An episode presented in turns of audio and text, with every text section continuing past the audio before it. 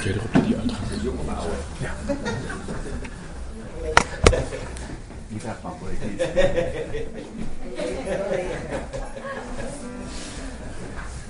Dankjewel, Christian. Erg fijn dat bij me is. Ik mag sinds uh, drie maanden weer zelf auto rijden. En dat is uh, wel anderhalf jaar geleden de arts zei ik zou nooit meer auto kunnen rijden. En sinds drie maanden rijd ik zelf weer. Ik heb een test gehad bij het CBR met twee medische mensen mijn vlaggenwinkel geslaagd. Maar omdat ik net terug ben van een lange reis, ik ben heel blij dat jullie bij me is. Heel kort even, ik ben net eergisteren, vandaag zaterdag, teruggekomen uit Pakistan. Ik ben een jaar of acht, negen geleden heel nauw betrokken geraakt bij een eh, werk in uh, Afghanistan en in Pakistan. Het is een christelijke hulpverlening. Christelijke hulpverlening. Alleen het woord christelijk staat er niet bij, het is hulpverlening. En wie kan nog herinneren dat een jaar of acht geleden acht Duitse zendingswerkers in Afghanistan gevangen hebben gezeten, gekidnapt. Dat is die groep. En de leider daarvan, Georg, is een van mijn hele goede vrienden. En uh, het is die groep die in Afghanistan werkt. Momenteel is het heel kritiek in Afghanistan. Um, er is een christelijke hulporganisatie, uh, ik ben, mag, kan maar heel weinig zeggen. Die christelijke hulpverleningsorganisatie ergens uit Europa die een paar ongelooflijke stomme dingen gedaan heeft. En met het gevolg dat een aantal christelijke hulpverleningsorganisaties de land uit moesten. En de andere onder heel scherp toezicht staan. En uh, er is zelfs tegen een van deze, een paar van deze medewerkers de doodstraf geëist in het parlement in Afghanistan. Nou, ik denk wel ongeveer door waar het om gaat. En uh, een aantal van de werkers zijn uitgeweken naar Noord-Pakistan. En omdat ik zo heel nauw hen ken, en de laatste 3,5 jaar niet te kunnen reizen, ben ik dus bij hem geweest in Noord-Pakistan. En dat was heel, heel bijzonder. Ik heb acht samenkomsten, stukken zeven, acht samenkomsten gehad, waar ik voor niks over kan vertellen. Maar ik kan alleen zeggen dat iedereen werd vervuld met de Heilige. Allemaal. Alles werd vervuld met de Heilige. En uh, wat wel heel leuk is, ik, uh, ik maak meestal veel foto's, maar dat uh, kon dus echt niet. Ik heb mijn camera echt even in mijn tas moeten laten. Maar ergens daar in Noord-Pakistan uh, kwam een jongen en, en uh, een paar kinderen kwamen mee met de ouders. En er kwam een jongen van 13 jaar binnen. En ik heb even met hem gepraat via een tolk. En die had een oranje t-shirt aan. En stond op aanvallen. ik heb een foto van en dat is de enige foto die ik heb. Aanvallen, hè? Weet niet. De achterkant. Hub Holland. Hij wist wel dat het Nederland was, maar wat het nou precies betekende, dat wist hij niet. Ik vond het heel grappig. Een of andere samenkomst in Noord-Pakistan. Daarnaast, er zijn kerken in Pakistan die kunnen redelijk vrij functioneren. Uh, dat zijn kerken van christenen die al generaties lang hun familie christen zijn. Die hebben een beperkte mate van vrijheid. En de, gemeente daar die ik goed ken, dat is wat Nederland zou zeggen een VPE-gemeente. Ook een van de grotere gemeentes in het land. Met een enorm moedige voorganger. En daar heb ik een paar dagen doorgebracht met zijn leiders over de leren te functioneren in de Heilige Geest, waar ik vandaag ook over ga spreken. En we hadden 25 leiders daar en op een gegeven moment, ik had even iets gezegd over profetie. En op een gegeven moment Gods geest kwam neer. En er waren twee mensen op wie de geest van God heel zwaar rustte. Ik ben naar ze toe gegaan en één die begon heel bemoedigend te profiteren van de Heer is dezelfde vandaag en alles is mogelijk. Maar de tweede, die man, heel zwaar kwam de Heilige Geest op hem. Ik heb voor hem gebeden en toen begon hij te profiteren. Hij had nog nooit geprofiteerd in zijn leven. Hij begon te profiteren en de voorganger vertaalde dat de kerk waarin we waren zal een bijnaam krijgen, de kerk van martelaren. Er zullen mensen in de kerk gaan omkomen vanwege hun geloof. Maar juist daarom zou God deze kerk zo bijzonder zegenen en groot maken. En de voorganger was heel blij met die profetie. Het is viel de geest van God en van de 25 aanwezigen hebben 23 geprofiteerd. De eerste keer. Ik heb daar wel eens een keer eerder meegemaakt dat echt de geest van profetie viel. En uh, maar daarnaast ook veel persoonlijke contacten. Het was heel uh, indrukwekkend. Dan kom je toch wel een iets ander christendom tegen als uh, de zo hier. Ik vraag me af als er hier een profetie komt, die zal een kerk voor martelaren zijn, dus dat mensen omkomen. Dat de voorganger zegt halleluja. Maar goed, zo is dat in die landen. En, uh, ik denk dat ik het hier even bij moet laten. Maar, uh, dat land. Nederland is mijn eerste liefde, Papua Nieuw-Guinea mijn tweede liefde, maar Afghanistan absoluut de volgende. Ongelooflijk moeilijk land, waar zo ontzettend veel voor gebeden is. Ehm, ik ga praten, dit is een leiderstraining, ik ga praten over leren te functioneren in de Heilige Geest. We gaan ook heel praktisch daar straks iets aan doen. Ehm, want als wij als leiders niet weten hoe we moeten functioneren in de Heilige Geest, dan kom je in allerlei technieken terecht. En kennis over leiderschap is belangrijk, maar als we daarnaast niet functioneren in de Heilige Geest, wordt het ja kennis en als je dan zo in Noord-Pakistan bent, in die samenkomst, hebben ze echt geen behoefte aan praktische dingen over leiderschap. Hoe overleef ik? En dat kan maar op één manier door de Heilige Geest. Hoe functioneer ik in de kracht van de Heilige Geest? We hebben in Rotterdam een trainingscentrum, Christ Formation, wat erg goed gaat. En de twaalf studenten, elf ervan, één is zwanger, die is achtergebleven. Elf ervan zijn nu momenteel in Nepal, die komen dinsdag terug. En ik heb de eerste berichten gehoord dat ze kwamen op een bepaalde plek en de Heilige Geest viel en ze hebben lekker doofstommen horen spreken en blinden. Gezien. Ze we geven heel veel aandacht aan leren te functioneren in de kracht van de Heilige Geest. En hun leven staan helemaal op hun kop. Ze hebben echt voor hun ogen grote wonderen zien gebeuren. Toen ze een dorpje kwam, binnenkwamen in uh, Nepal. Heel bijzonder. Dat is zo'n christen waar ik van hou. 2 Corinthians hoofdstuk 3 vanaf vers 4. Ik ga misschien straks een paar dingen lezen. Denk ik, nou, dat is wel heel eenvoudig. Maar ik wacht even nog, want dan ga je wel ontdekken waarom ik dat doe. Zeker in de hoofdstuk 3, vers, vanaf vers 4. En dan zegt Paulus, Paulus die schrijft er op een bijzondere manier. En hij schrijft daar naar aanleiding van de oud-testamentische openbaring dat de dag gaat komen dat God het hart van mensen zal gaan besnijden. Niet langer het lichaam, maar het hart. En dat werd in het Oude Testament al meerdere keren geprofiteerd. En Paulus pakt die profetie en gaat daarmee aan de slag. En dan legt hij dat uit. Dat doet hij op een geweldige manier. 2 Korinthe hoofdstuk 3 vers 4. Zulk een vertrouwen hebben wij door Christus op God. Niet dat wij uit onszelf bekwaam zijn iets als ons werk in rekening te brengen. Prachtige woorden. Het is niet ons werk. Het is niet mijn bediening. Het is, dat is het niet. Maar onze bekwaamheid is Gods werk. God maakt je bekwaam. Ik heb jarenlang tegen mezelf gezegd, ik zou graag een hogere opleiding gehad willen hebben. Ik heb wel graag naar de universiteit willen gaan, maar niet gebeurd. Op een gegeven moment heb ik geleerd dat niet langer tegen mezelf te zeggen. Mijn bekwaamheid is niet afhankelijk van opleiding. De Heer is onze bekwaamheid. als je kijkt naar de eerste discipelen, dat waren visserslui. De meeste althans. Nou, mijn vader was uh, geboren getogen op Urk. Ik heb, de meeste van mijn familie wonen nog op Urk. We hebben een paar weken geleden een reunie gehad. En een heel aantal zijn vissers. En ik zeg dat met diep respect, na zes keer douchen ruik je nog steeds de vis.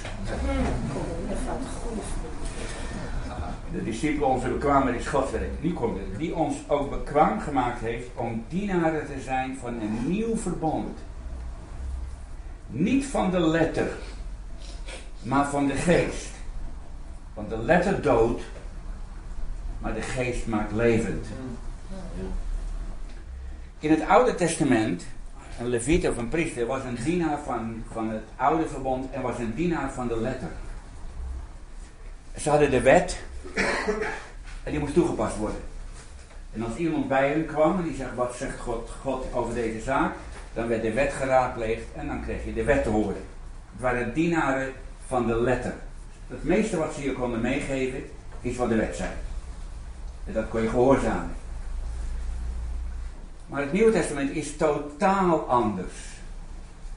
We hebben niet langer de wet, de genade, we hebben natuurlijk het woord van God. Maar wij zijn niet allereerst dienaren van de letter, maar dienaren van de geest. En dat betekent heel eenvoudig wat Jezus zei, dat uit je binnenste zullen komen rivieren van levend water. En wat wij mensen kunnen mededelen, is de geest. De werking van de geest. Niet allereerst de letter. Ik mag de Heer nu zo'n 44 jaar fulltime dienen. En ik merk door alle jaren heen, een van onze grootste vijanden is wetticisme. Ja, maar de Bijbel zegt dit. Ja, inderdaad, de Bijbel zegt dat. Maar als je het op een verkeerde manier aanpakt, ben je dienaar van de letter. En de letter dood. Maar de geest maakt leven. Nou, zeg nog niet, Jan Schuurt vindt kennis eh, onbelangrijk. Kruisvermeester in Rotterdam is de vierde bijbelschool die ik heb helpen, helpen oprichten. Dus kennis is voor mij ongelooflijk belangrijk. Maar we zijn geen dienaren van de letter. Ja, maar de Bijbel zegt dit. Ja, dat is de wet. Natuurlijk, de Bijbel zegt dingen, heel duidelijk. Maar wij zijn geroepen om allereerst dienaren te zijn van de geest. Ik ga vanochtend heel eenvoudig praten over hoe worden wij gevoelig voor de werking van de Heilige Geest.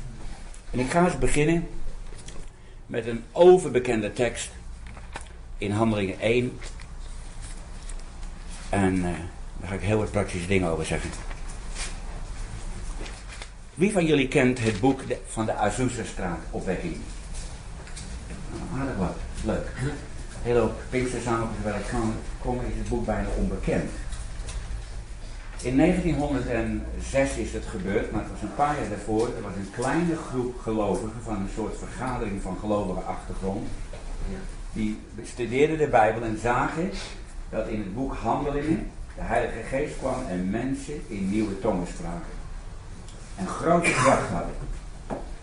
En ze keken om zich heen en ze zagen dat niet.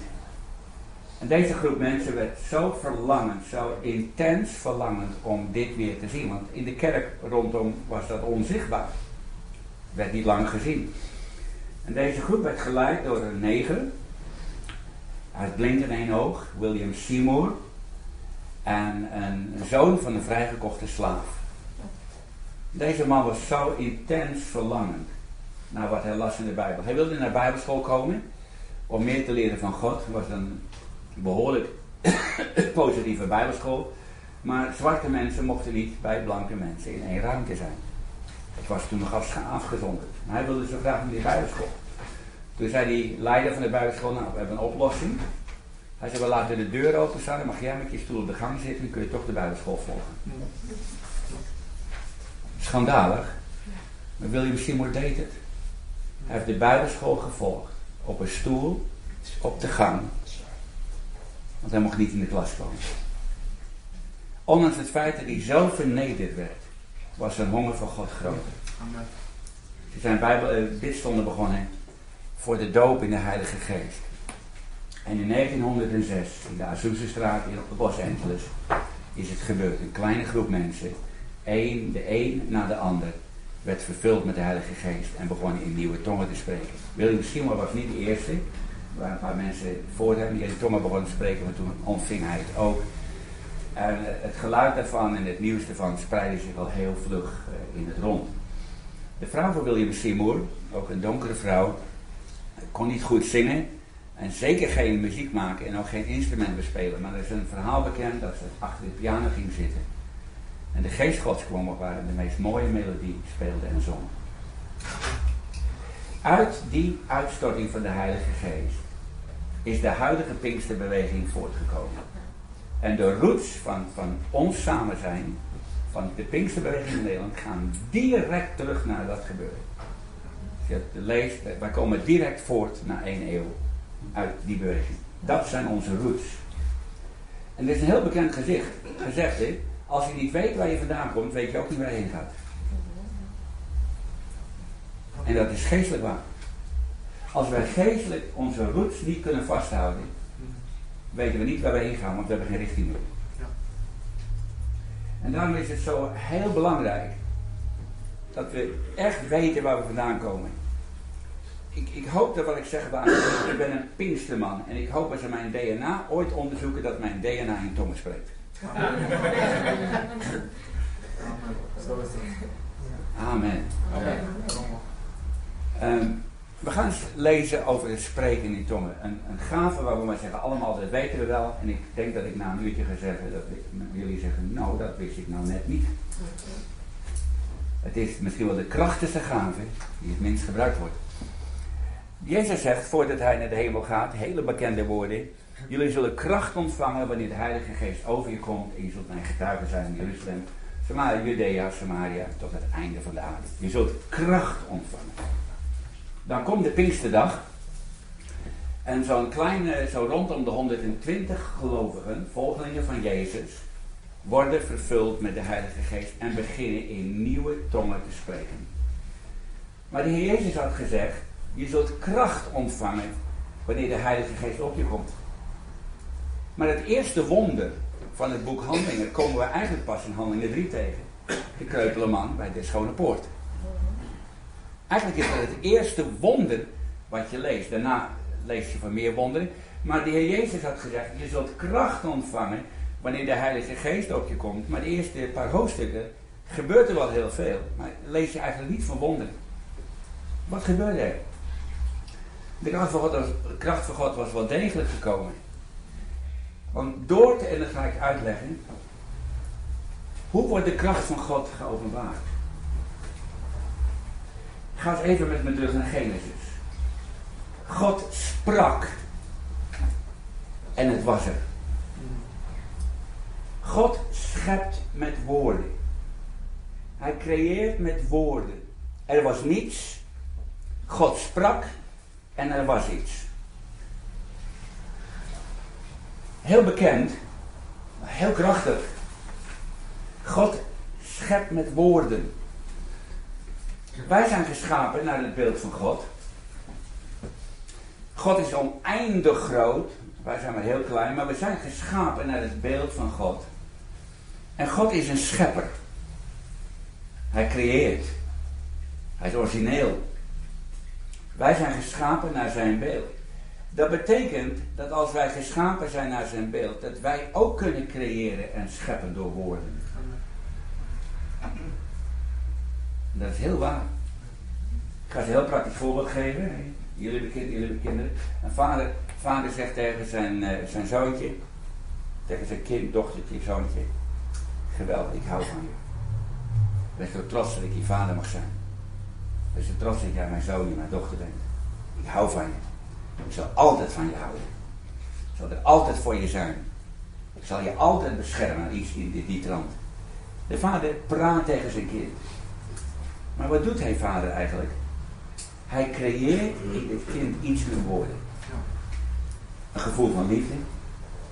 Een gevoel van veiligheid. Een gevoel van geborgenheid. Een gevoel van zekerheid. En de vader schept met zijn woorden iets in het leven van het kind. Kan het ook anders. Moeder kan het ook. Onze woorden hebben kracht. Dat kind groeit op, voelt zich zeker, voelt zich veilig, voelt zich beschermd, voelt zich geliefd. En een van de hoofddingen waar, waarmee wij dit, in een leven gecreëerd wordt, zijn door woorden. Is er nog eentje, aanraking. Het is heel opvallend dat de manier waarop Jezus genas was woorden of aanraking. Heel opvallend. Handoplegging. Aanraking. De Heer schept door woorden en wij scheppen door woorden. woorden. Ik, jaren geleden heb ik gebeden voor een vrouw en uh, die vertelde mij, ergens anders in het land, uh, mijn vader en moeder die waren getrouwd, die wilden alleen maar feesten, die wilden alleen maar alcohol, die wilden alleen maar seks, die wilden absoluut geen kinderen. En toen gebeurde een ongeluk en ik werd geboren. En zelf heel vroeg besefte ik dat ik niet gewenst was. En mijn moeder en ik hadden vrij veel ruzie. En op een gegeven moment was een jaar of 13, 14. zei haar moeder tegen haar: Je bent een kreng. Ik haat je en ik wou dat je nooit geboren was. Kind is helemaal in elkaar gestort. Kreeg epilepsie, toevallen. Het is helemaal goed gekomen, een stuk bevrijding, is tot de Heer gekomen. Maar wie had dat kapotte leven gecreëerd? De moeder de woorden. God is de schepper. En wij kunnen ook scheppen door woorden. En natuurlijk, we gaan niet negatief scheppen, maar onze woorden zijn veel krachtiger. Wat is het eerste teken wat de Heilige Geest ons geeft? Woorden. Woorden van de Heilige Geest. Woorden die gaan scheppen. Woorden die gaan creëren. En als op de Pinksterdag zo'n kleine, zo rondom de 120 gelovigen vervuld worden met de Heilige Geest en die beginnen te spreken, breekt de kracht van God los. Totaal. En heel Jeruzalem is een reparoer. En als je even denkt aan de geestelijke wereld, de Heer Jezus die heeft van de Joodse leiders gezegd, hè, hij zegt, jullie, jullie vader is de duivel. Jullie vader is de duivel. De, de vader van religie is de duivel. Dus jullie, jullie, jullie God is niet, niet, niet onze liefdevolle God, het is religie. Hij veroordeelt alleen maar. Hij maakt alleen maar kapot. De duivel is de vader van religie. Dus, dus Jeruzalem was aan de ene kant een, geestelijk, uh, uh, ja, een e enorm belangrijke plaats, maar het was ook een enorm geestelijk bolwerk. Het is ook in Jeruzalem dat de Heer Jezus gevangen werd. Het is in Jeruzalem dat de hoge priesters hem te pakken wilden nemen. Het is in Jeruzalem waar hij gekruisigd is. Dus Jeruzalem was ook een enorm donker bolwerk. En christelijke, wettische uh, bolwerken. Ploe, dat, dat ik heb liever te maken met tien tovenaars. Dat meen ik echt. Ik heb liever tien tovenaars tegenover me, dan weet ik tenminste waar ik mee bezig ben. In plaats van christenen, die, die niet langer God kennen als liefdevolle vader, maar die verzeild zijn geraakt in religie. Ik ga iets zeggen, dat is misschien heel persoonlijk. Het heeft mij heel veel pijn gedaan dat christelijke omroepen in, in Nederland een paar weken geleden Balken er zo schandalig onderuit gehaald hebben. Ik vond het beneden elk paar. Hebben we een bekeerde wedergeboren premier. En christelijke media haalt hem zo gigantisch onderuit. Weet je wie de vader is van religie? De duivel. Heb je eigenlijk een goede leider die God vreest? Dan ga je die kapot maken. Ik heb Balken in de twee keer persoon gesproken. Het is een man die de Heer hartelijk lief heeft. Hartelijk lief heeft. Maar goed, een andere zaak. Eh, woorden. Woorden scheppen. Wat, wat is het eerste wat de Heilige Geest ons geeft? Een taal. Woorden. En die woorden gaan scheppen in de geestelijke wereld. Dat zijn scheppende woorden. Je zo'n kracht ontvangen eh, wanneer de Heilige Geest overkomt. En toen in Jeruzalem zo'n 120 mensen opeens in tongen begonnen te spreken, was heel Jeruzalem in reparoer. En geestelijk was er een grote een doorbraak, was er een grote um, werking van Gods kracht. Hoe kwam die? Door spreken. En dat kun je ook, ik heb geen tijd om allemaal bijbels aan te tonen, want ik wil graag wat praktische dingen met jullie gaan doen. Maar eh, ik, kan, ik kan tonen dat het Griekse woord dunamis betekent kracht. Je zult, hè, dat ik denk dat wel vrij bekend is. En die kracht wordt geopenbaard door te spreken. Maar daar ga ik een paar praktische dingen over zeggen. En dan gaan we ook straks daar iets heel leuks mee doen. Jacobus hoofdstuk 2. Jacobus hoofdstuk 2.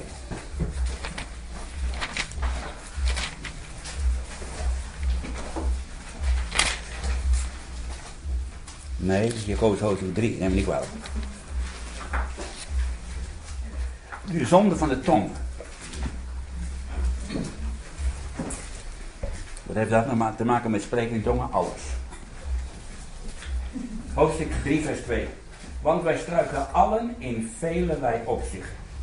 Want wie in zijn spreken niet struikelt, is een volmaakt man in staat zelfs zijn gehele lichaam in toon te houden. Is er vanochtend iemand aanwezig die zegt, Jan Sjoerd, ik heb nog nooit in mijn hele leven één verkeerd woord gesproken. Dan zou ik graag je handtekening leggen. Zou je hand willen kussen? Zou je willen eren en respecteren?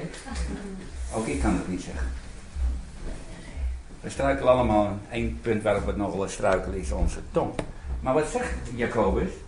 Dat wanneer wij onze tong onder controle hebben, hebben wij ons hele wezen, onze hele persoonlijkheid, ons hele lichaam onder de controle van de Heilige Geest. Als je volmaakt bent in je tong, dan is je hele leven aan de controle. En wat is het eerste wat de, Heilige Geest ons geeft? Een taal. De tong. Nieuwe tongen, zeggen we ook hè, in de oude taal.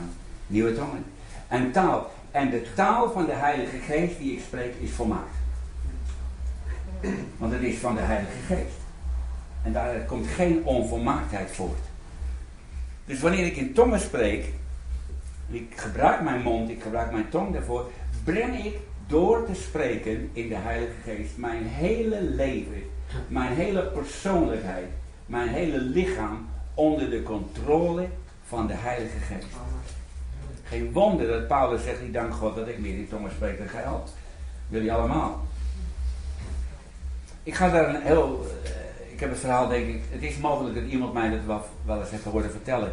Helemaal aan het begin van onze tijd in Papua Nieuw-Guinea kwam er een man tot de Heer. Die was, zijn vader was Chinees, zijn moeder was een inheemse vrouw. En hij was een alcoholist. Hij kwam heel krachtig tot de Heer. Werd vervuld met de Heilige Geest, werd gedoopt in water. Dat was echt uh, heel bijzonder. George Sling. En na een paar weken kwam hij naar me toe. En zegt, hij, uh, ik heet in Engels heet ik John. Hij zegt, John, hij zegt, ik, mijn leven is zo veranderd, maar uh, er is toch iets in mijn leven wat nog niet veranderd is. Hij zegt, ik kan zo kwaad worden. Er hoeft maar iets te gebeuren en ik, ik, ik, ik, kan zo kwaad worden. En dat ik meerdere keren mijn vrouw geslagen heb. En zijn vrouw stond erbij.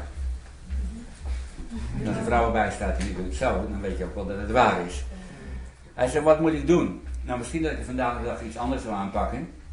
Maar uh, ik zei, George, jij bent een bulldozer. De, uh, chauffeur. Nou, chauffeur, bulldozer. Hij, hij rijdt dan. Noem je dat nou een chauffeur? Machinist. Machinist. Bulldozer machinist. We waren bezig nieuwe wegen, wegen aan te leggen in de jungle om bepaalde plaatsen toegankelijk te maken voor auto's.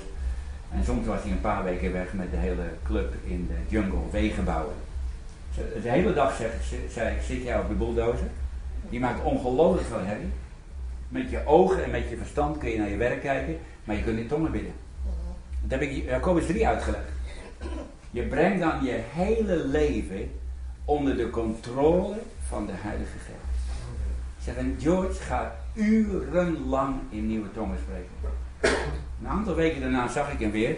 Dat is een flink aantal weken daarna. En ik vroeg hem, hoe gaat het ermee? En er stond een totale andere man voor. Je bent anders, hè? Zijn vrouw zei. heel goed, zijn vrouw stond bij hem. Die begon dus te een andere man. Urenlang op de bulldozer sprak hij nieuwe tong. En wat deed hij daarmee? Daarmee bracht hij zijn hele leven, zijn hele persoonlijkheid, alles van zijn hele leven onder de controle van de Heilige Geest. Want als hij in je spreken niet faalt, is alles onder controle. En Jacobus zegt ook, het is zo'n zo'n mooi voorbeeld, een schip met een klein roer, hè. je kijkt eruit bij IJssel, groot schip, klein roer, maar het roer stuurt. En het bit van het paard en een klein, klein vuur steekt een grote brand aan. En die voorbeelden die hij noemt, de tong. En als de tong, hij zegt, wordt door de hel in werking gezet. Maar nu, door de doop in de Heilige Geest, wordt onze tong door de Heilige Geest in werking gesteld.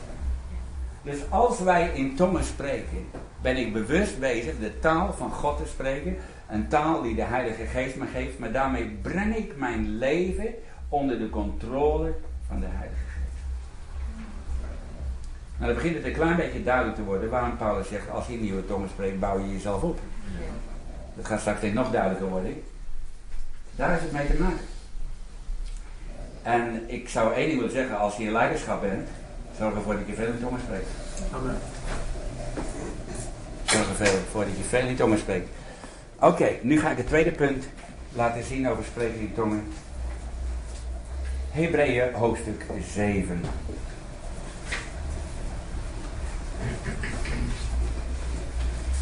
Nee, dat, wat ik net deelde voor de meeste van jullie een hele nieuwe gedachte is. Over spreken in tongen. Ik laat me verrassen. Huh? Ik laat me verrassen. Ja. Gek, is vaak de meest eenvoudige dingen, waar ze vlug overheen gaan. Hebreeën 7, vers 25. Heeft de mooiste tekst uit Hebreeën over de Heer Jezus, onze hoge priester. Daarom kan hij ook volkomen behouden wie door hem tot God gaat. Daar hij altijd leeft om voor hen te pleiten. Toen we vanochtend opstonden, was de Heer Jezus in de aanwezigheid van God. En hij bad voor ons. Op dit moment is de Heer Jezus in de aanwezigheid van de Vader. En hij bidt voor ons. Straks als we naar Nederland, Japan zitten kijken, is de Heer Jezus voor ons in binnen. Ik heb dat gebed wel echt nodig. Oké. Okay. Vanavond als we naar bed gaan. Japan was ook. Ik zag voor wie ik was. Oh. Ja, ja, ik heb in Japan gewoond, dus ik ben een klein beetje voor Japan. Oké. Okay. De Heer Jezus pleit voor ons. En dan zegt hij, daarom kan hij ons volkomen behouden. Wat heeft dat met tongenspreken te maken? Alles. We gaan nog een tekst lezen. Dan ga ik er daarna nog eentje naar het uitleggen. Romeinen 8.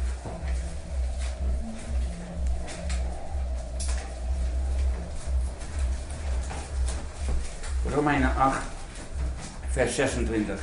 En straks lezen we ook over de poosje 27. Romeinen 8, vers 26. En evenzo komt de geest onze zwakheid te hulp. Want wij weten niet wat wij bidden zullen naar behoren. Maar de geest zelf pleit voor ons met onuitsprekelijke verzuchtingen. In het Engels zegt in een van de vertalingen beyond human words. Menselijke woorden kunnen dat niet uitdrukken. Het zegt wij, wij bidden, maar we weten heel vaak niet wat wij moeten bidden. Maar de Heilige Geest pleit voor ons. Woord pleiten wordt er ook gebruikt. Voor ons met onuitsprekelijke verzuchtingen. En hij die de harten doorzoekt, weet de bedoeling van de geest. Dat hij namelijk naar de wil van God voor heiligen pleit. Nou, ik ben de eerste heilige in dat opzicht. Wat gebeurt er? Heel vaak weet ik niet wat ik moet bidden. Stel voor, ik ben in het buitenland, hier zegen komen. Mijn kinderen, kleinkinderen, zegen ze. Bescherm ze. Na een paar zinnen ben ik uitgebeden. Die paar zinnen zijn uitstekend. Maar wat hebben ze op dit moment nodig? Wat heb ik op dit moment nodig? Misschien dat ik denk dat ik het weet, maar misschien weet ik het ook niet. Als de Heer naar mij kijkt, wat heb ik op dit moment het allermeeste nodig? Nou, dan moet ik eerlijk zeggen, ik weet het niet helemaal. Ik heb hier wel een aantal gedachten, maar is dat het werkelijk? Want als ik me alleen maar hierbij hou, functioneer ik alleen maar in mijn verstand. Er zijn dingen die ik misschien wel nodig heb, waarvan ik niet bewust ben. Maar wat gebeurt er? Ik weet niet wat ik moet bidden. En de Heilige Geest die in mij woont, gaat door mij heen pleiten voor God. Voor de Heilige. En ik ben daar de eerste in, in die categorie. En zelfs soms met onuitsprekelijke verzuchtingen. Het, het gaat boven menselijke woorden uit. Het kan niet met menselijke woorden uitgedrukt worden. En verzuchtingen vind ik trouwens een heel mooi woord. Is ook heel mooi vertaald. En ik heb mensen meegemaakt in voorbeden. Eh, ik heb een paar keer de geboorte. Ik heb twee van mijn kinderen geboren zien worden. Ik heb één ander kind geboren zien worden. En ik heb één keer zelf een geboorte moeten leiden, want er was niemand aanwezig. Dus ik heb uh, een mes gezocht en wat uh, ja, ontsmetting en een stuk touw. En er was niemand anders aanwezig, dus lang leven het zendelingenleven. Ja. Een meisje over de wereld komen. En ik heb dus, dus vier keer een geboorte meegemaakt. En ik denk dat alle vrouwen, ook de mannen wel weten, wat er in de geboorte gebeurt. De meeste die, waarvan ik hoor, liggen niet vrolijk te zingen. niet. Maar ik heb wel mensen meegemaakt die voorbeden dat de geest van God op hen kwam. Het was alsof ze een kind kregen. Het was alsof ze in barensnood waren. En wat zegt Paulus in Gelaten? Ik ben in barensnood totdat Christus in u gevormd is. Daar komt ons van Formation ook vandaan.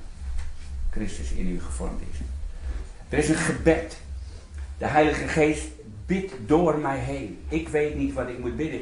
En de Heilige Geest pleit voor God. Of tot God.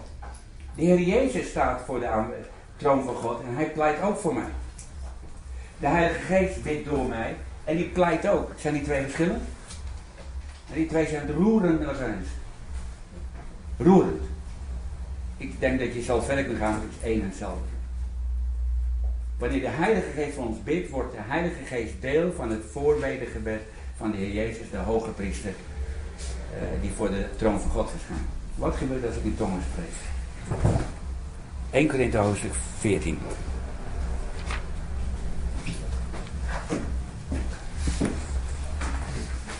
Ik zeg, dit, dit voor mij is het meest kostbare van spreken in tongen. Toen ik dit zag. Zo. Nu wordt het mij heel duidelijk. First 1 Korinthe 14 vers 2. Want wie in een tong spreekt, spreekt niet tot mensen, maar tot God, want niemand verstaat het. Door de geest spreekt hij geheimenissen, dingen die je zelf niet kunt weten. Het is geheim. Het wordt van je weggehouden, maar je spreekt het wel uit. Hij spreekt geheimenissen. En toen zag ik het. Wanneer ik in tongen bid, word ik door de Heilige Geest deel van het voorbedengebed van de Heer Jezus. Die voor de troon van God verschijnt.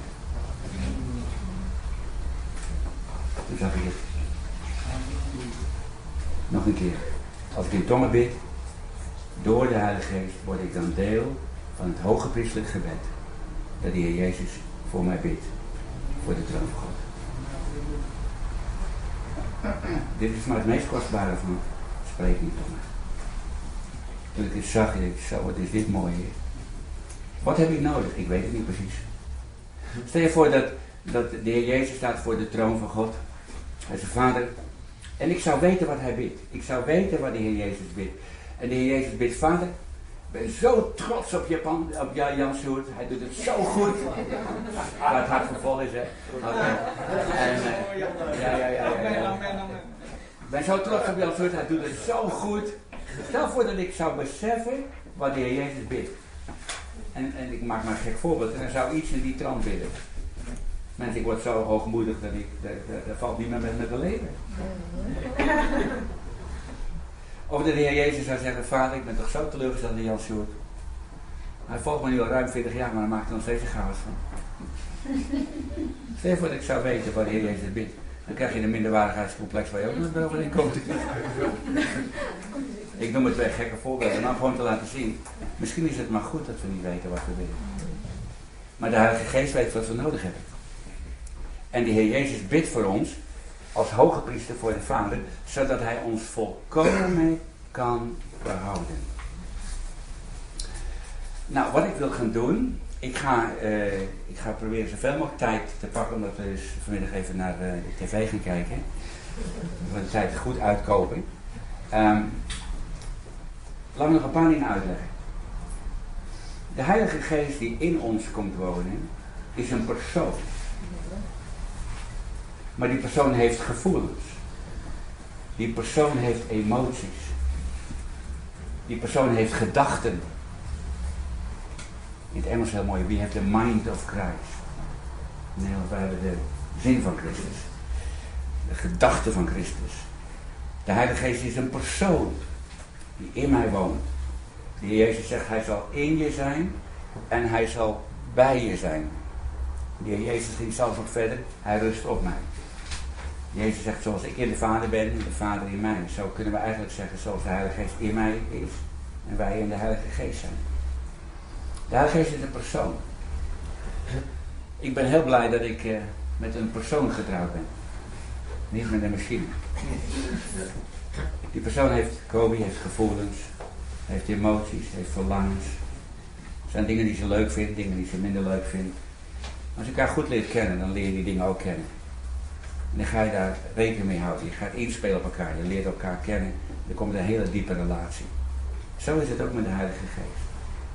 En de Heilige Geest heeft gevoelens. Het gaat zelfs zo ver, en ik denk niet dat we daar vandaag tijd voor hebben. Mijn lichaam heeft vijf zintuigen: zien, horen, eh, ruiken, voelen en smaak. Mijn lichaam heeft vijf zintuigen. Dezelfde vijf zintuigen worden toegeschreven aan mijn meest innerlijke mens. Mijn geest, waar de Heilige Geest woont. Dezelfde vijf zintuigen wordt aan de Bijbel toegeschreven. Niet, in mijn, niet de zintuigen van mijn lichaam, maar de zintuigen van mijn geest.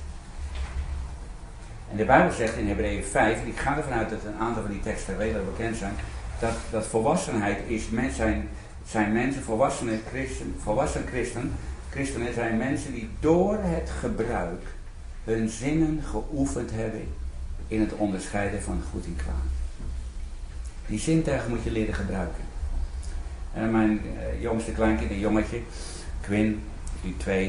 En dan komt hij bij je, ze, uh, ik hoop je vaak op hem gepast. En dan zegt ze, Quinn niet aanraken, dat is thee, dat is heet. Dan kan zijn kind zo aankijken. Wat is nou heet? Geen idee. Ik hoor je wel, maar geen idee. Quinn niet aanraken, dat is oud. Nee, oud is niet leuk, maar hoe kan dat dan? Hè? Nee, ja, we weten allemaal, vroeg of laat, een kleine kindertje, raakt natuurlijk die thee aan, gooit een kopje thee om of wat er ook gebeurt. En dan schreeuwen en brullen. En dan zeg ik, maar Quinn, dit is, het was heet. Oma heeft het toch gezegd. Wat gebeurt er in het hoofdje van een klein kind? Het leert een woord te verbinden met een gevoel. Oh, dat is heet. Niet leuk. Dus als de volgende keer gezegd wordt het heet, ja, ik kijk wel link. Want het heeft in het denken een woord verbonden met een gevoel. Kun je gevoelens leren uit een boek? Kun je een boek bestuderen en dan weten wat heet is? Of een boek bestuderen en dan weten wat koud is? Dat leer je alleen maar door ervaring. Ja, als ik iemand zie in de samenkomst en, en, en ik zie een heel verdrietig gezicht en druppeltjes water komen uit de ogen. En iemand met, met uh, wat in de encyclopedia, uh, zielig gezicht, druppeltjes water uit de ogen, over de wangen. Oh, die houdt. Dat hoef ik echt niet meer te doen hoor. Dat weten we. Maar op dezelfde manier zijn er gevoelens in de Heilige Geest. Waarvan het uitermate belangrijk is dat wij die gaan leren. En door spreken in tongen gaan we daar straks over oefenen diverse uh, niveaus. Laat me een verhaal vertellen om het duidelijk te maken. Jaren geleden in Papua Nieuw-Guinea, toen ik net bevrijding leerde, waren we aan het bidden voor een, jonge vrouw die zat op de universiteit, een student die had echt problemen. Ze was tot de gekomen, maar er was echt iets, iets recalcitrant in haar, heel erg. Maar goed, mijn kennis was toch niet erg groot en we gingen voor haar bidden en ik besefte dat we iets te maken hadden met demonie. Dat, dat was duidelijk. Naast een, wat, dan ook probleem, maar er was ook een demonisch probleem in haar leven. En uh, ik bestrafte de demonen, er gebeurde niks. Helemaal niks. Er gebeurde gewoon niks. We baden. Maar terwijl ik dat deed, kreeg ik een heel vreemd gevoel van binnen. En ik kende dat gevoel niet. Dat was heel duidelijk. En het bleef maar. Ik, ik bestrafte de demonen, demonen gebood ze eruit te gaan in de naam van Jezus, maar er gebeurde gewoon niks. En toch zag ik dat het demonen waren. Maar het gevoel bleef maar. En op een gegeven moment was ik een beetje in frustratie. Zeg, heer, ik, ik kon dat maar niet afschudden. Dat, een wonderlijk gevoel. Ik kende dat gevoel niet. En ik zeg, heer, wat, wat is er aan de hand? En toen sprak de heer tot me glashelder. Zo voelt mijn heilige geest zich. Mijn heilige geest die in jou woont zich. Nee, sorry. Zo voelt mijn heilige geest die in jou woont zich wanneer die in aanraking komt met rebellie. Ah, ah. Zo voelt mijn heilige geest die in jou woont zich wanneer die in aanraking komt met rebellie. Oké, heer. We spraken rebellie aan jou, hè. raak. Daarna we kunnen helpen. Getrouwd met een hele hoge regeringsambtenaar. En als ik in het land kom, zie ik er altijd nog een die jaren. Het gaat goed met hem. Heel wonderlijk. Een poosje daarna was ik in Nederland voor een uh, verlofperiode. En toen werd ik gevraagd om te spreken op een conferentie ergens op de. En de avond was in een tent en afloop, uh, samen was afgelopen. En een echtpaar die vroeg mij of ze even met me konden praten. Zei, ja natuurlijk. En hij zegt, uh, we hebben gebed nodig. Ik nou, hoezo, waarvoor? Zegt ze, nou, we hebben een dochter van 16 jaar. En die is weggelopen van huis. We hebben geen idee waar ze is.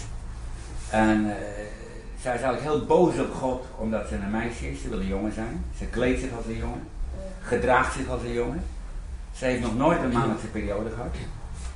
Ze heeft ook geen enkele lichamelijke ontwikkeling als een, als een meisje, als een jonge vrouw. Het is gewoon een jongen. Ze is weggelopen van huis en weet niet waar ze is. We zijn zo bewogen, kun je met ons bidden voor onze dochter, natuurlijk. En ik begon te bidden. En toen ik voor haar begon, toen ik begon te bidden voor die uit, had ik weer dat vreemde gevoel van binnen. Ik denk, wat was dat ook weer? Ik heb dat eerder gevoeld. Ik, ik heb het, en toen wist ik in Papua Nieuw-Guinea, toen we baden voor die studenten. En wat zei de Heer toen? Zo voelt mijn Heilige Geest, die in jou woont, zich, wanneer die in aanraking komt met rebellie. Dus ik denk, we hebben hier dus te maken met een pure zaak van rebellie. We begonnen te bidden, echt ook echt de rebellie te bestraffen. Ik denk dat er ook wel iets demonisch daarin speelde. Dat, dat, hoe dan ook. En uh, gebeden, dat was gewoon goed. En een maand of drie daarna zag ik de ouders weer. Maar toen voor lang verlof in Nederland. En stralend, zegt ze, een week nadat we gebeden hebben, kwam ze thuis. Ze heeft haar jongenskleren verbrand. Ze heeft meisjeskleren gekocht. Ze is door de Heer gekomen. En de afgelopen week had ze voor het eerst een periode. De ouders waren helemaal de dol heen. En ik ben afgegaan op een gevoel in de Heilige Geest dat ik had geleerd. En ik zie verschillende knikken van ja, dit herken ik wel, maar ik heb het nog nooit zo gezien. Ik denk dat de meeste van jullie, zou niet iedereen, ik heb ook wel eens gevoel, dan denk je, nou ja, het zal wel zo'n emotie wel zijn, maar dat er dingen zijn dat de Heilige Geest probeert je wat te leren. Je niet naar vanochtend rondlopen. Nou, ik heb helemaal geleerd, ik weet alles van de gozer Bas van. Want het zegt in Hebreeën 5, dat door het gebruik gaan ze hun zinnen oefenen in het onderscheiden van goed en kwaad. Dat leer je alleen maar door gebruik. Ik ben er nog steeds keihard aan het leren.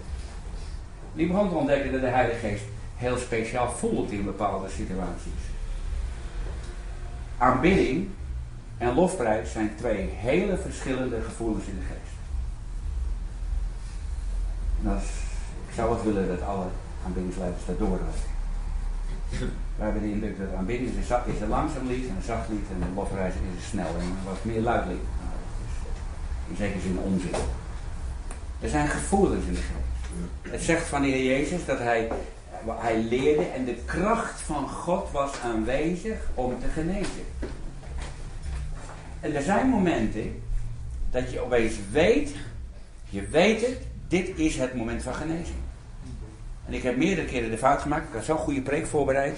En halverwege de preek krijg je dan een duidelijke gevoel van genezing. Zeg, heer, dit, ja, prachtig, u gaat mensen genezen. Ik ga een preekvlug afmaken, want het is zo'n goede preek. De mensen moeten toch alles horen wat ik te zeggen heb. Dan gaan we straks bidden voor de zieken. Preek afgelopen. Sorry voor het ik even zo doe. Het is er gewoon niet meer. Ja. Het is niet meer. Is weg. Kan de Heilige Geest niet op jou wachten? Nee, die wacht niet op jou. Hij wil dat jij op hem wacht. En ik moet zeggen, dit, ik heb die fout vaak gemaakt zelf als spreker. Het is een veelgemaakte fout van. Ik ga dan niet meteen de samen zitten, ga ik elke preker even beoordelen, kijken of het wel goed doet. Dan ben je ook vaak weg. Ja. Er zijn gevoelens in de geest. Ik heb bij mijn studie een paar pagina's vol.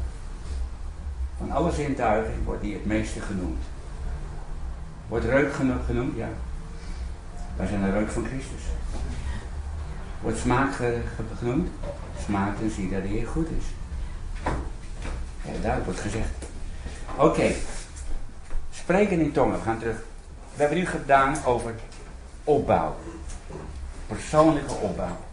Deel worden van het voorbedengebed van de Heer Jezus. Persoonlijke opbouw. Jezelf sterker maken. Het zegt ook, eh, op de Pinksterdag zegt eh, Petrus, dat eh, dit is de vervulling van de profetie die Joel gezegd heeft, dat de laatste dagen zal mijn geest uitgestort worden op alle vlees en uw zonen en dochters zullen profiteren. Maar op de Pinksterdag profiteerde niemand. Toch zegt Petrus, dit is de vervulling van Joel, die zegt je moet profiteren, omdat spreken in tongen ook iets profetisch heeft. Ik spreek datgene wat er nog niet is. En omdat ik het spreek, komt het. En dat is profetisch. God spreekt altijd profetisch. Laat er licht zijn en er was licht. Het was er nog niet, maar hij sprak profetisch en toen was het er. De sprekende tong heeft ook iets heel profetisch. En daardoor, door te leren de gave van tongen te hanteren, begin je ook iets te, na een poosje, soms heel vlug al, maar soms na een poosje, iets te begrijpen van het profetische. Dat is heel nauw met elkaar verbonden. En de Heer zei, laten er vruchtbomen zijn. Een heel speciaal zei hij erbij. En laat er ook een mangoboom zijn. Mijn favoriete vruchten. Mango. En het was het. Ik heb mango's meegenomen uit Pakistan. Oh. Mango's mee. Er nog een paar thuis. Zongerijpte mango's uit Noord-Pakistan. Stellingen zijn toch niet zo moeilijk, hè? Maar Spreken toch heeft iets profetisch.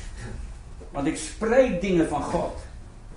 Om mijzelf op te bouwen. Ik ben nog niet zo sterk als ik hoor te zijn. Ik begin te spreken in tongen. En door te spreken in tongen word ik sterker. Dus in feite ben ik door de geest aan het profiteren tot mezelf. Ik ben aan het scheppen. Ja. En profeet, een echt profetisch woord heeft altijd iets scheppends in zich. Het troost, vermaant, bemoedigt. Profetische woorden kunnen hebben, een echt profetisch woord heeft iets zo krachtigs in zich. Eh, ik, heb heel wat gekke dingen meegemaakt bij profetie. En nog een hoop mensen die rondreizen en zichzelf profeet noemen. Nou, ze noemen maar wat ze willen. Ik geloof er niet veel van. Maar als je een echte profeet meemaakt, word je stil. En ik heb meerdere keren echte profeten meegemaakt. Die zijn alleen heel dun gezaaid. Mijn jongste zoon, sommigen die ook kennen, vooral een uitermate moeilijke tijd geweest, jaren geleden. Dus zijn vrouwtje heeft verliefd voor een oude vriend. En Jochem zo'n beroerde tijd meegemaakt. Hij was aanbiddingsleider. En van de ene dag op de andere dag was zijn vrouwtje weg. Nou, een oude vriend. En zijn leven stort in elkaar, twee kinderen. En, uh, hij heeft toen besloten, na een poosje, hij heeft toen meteen geen aanbidding gedaan meer. Zijn taak neergelegd en toen heeft hij na een poosje besloten, voor minstens twee jaar ga ik geen aanbidding meer doen. Ik moet eerst helemaal tot herstel komen, ik moet echt mijn weg weer vinden. Er kwam een profeet bij ons in de gemeente. Uh, uh, nou, zijn naam schiet me even. Ebberly, volgens mij? Hè? Harold Ebberly was dat? Ja, Harold Ebberly. Ja, dat was Harold Ebberly. Dank je. En die zei in de afloop van de dienst, ik heb een profeet, die wordt voor zeven mensen, maar je moet door iemand gebracht worden die de overtuiging heeft dat jij de woord nodig hebt. Je mag niet zelf komen. Er kwamen natuurlijk prompt twintig mensen die wel, hij zei nee, die zeven. En ik, ik, wij wenden mijn zoon Daniel zei, Daniel vlug, kom. En ik stond bij Harold Ebberly met mijn zoon. En hij wist niet dat het mijn zoon was, zei hij afloop. Hij wist het niet. En hij begon te profiteren. En midden in de profetie zei hij, en de twee jaren die jij genomen hebt om te komen tot herstel, zijn nu voorbij, zegt de Heer. Het is tijd voor jou om te gaan staan en je bediening weer op te pakken. Daniel, mijn zoon Daniel zegt, ik heb nog nooit God zo horen spreken. En tussen haakjes zegt de Heer, hij gaat je zegenen in je zaak, in, in, in business, in je werk. Heel kort daarna kreeg hij een grandioze job aangeboden. En hij heeft een prachtige job. Hij zei, een keerpunt geweest in mijn leven. Toen wist ik dat ik het weer kon oppakken. Hij heeft daar een opgepakt. En hij is nu een jaar geleden hertrouwd met een schat met mij. Trin en aan binnenlijkse. En ze zijn zo dolgelukkig. En dat profetische woord was een keerpunt. Scheppen profetische woorden. Als hij het haalde in één moment uit mijn dag. Profetische woorden scheppen. Een echt profetisch woord scheppen. Nou, wat ik ga doen, wat ik wil gaan voorstellen. Ik ga er even vanuit dat iedereen die tongen spreekt. We hebben geen grote ruimte waar we eindeloos kunnen rondlopen. Maar ik wil voorstellen dat zo'n paar minuten, en ik ga het even inkorten, maar die drie tot vier minuten allemaal gewoon, waar dan ook, gezien bij de gang, waar dan ook, echt voor gaan, gaan bidden in nieuwe tongen, gaan spreken in nieuwe tongen. En dat ga je doen voor persoonlijke opbouw. En als dat voorbij is, ik zal wel roepen, dan ga ik eens vragen, wat ervaar je nu in je binnenste als je dat doet? Dan moet je eens proberen op te letten, wat gebeurt er nu in mijn binnenste wanneer ik in tongen bid, in tongen spreek voor persoonlijke opbouw. We gaan namelijk straks nog drie of vier hele andere aspecten nemen van spreken in tongen, want het heeft veel meer dan één betekenis. En dan ga ik ook eens vragen wat je dan ervaart. En dan denk ik dat het heel interessant gaat worden en heel boeiend. Oké, ik, ga ik pak vier, minuten. Uh, blijf op je stoel, op de grond gaan knielen, waar dan ook. Maar wij wees niet bang voor het geluid. We gaan vier minuten in tongen bidden, in tongen spreken voor onze persoonlijke opbouw.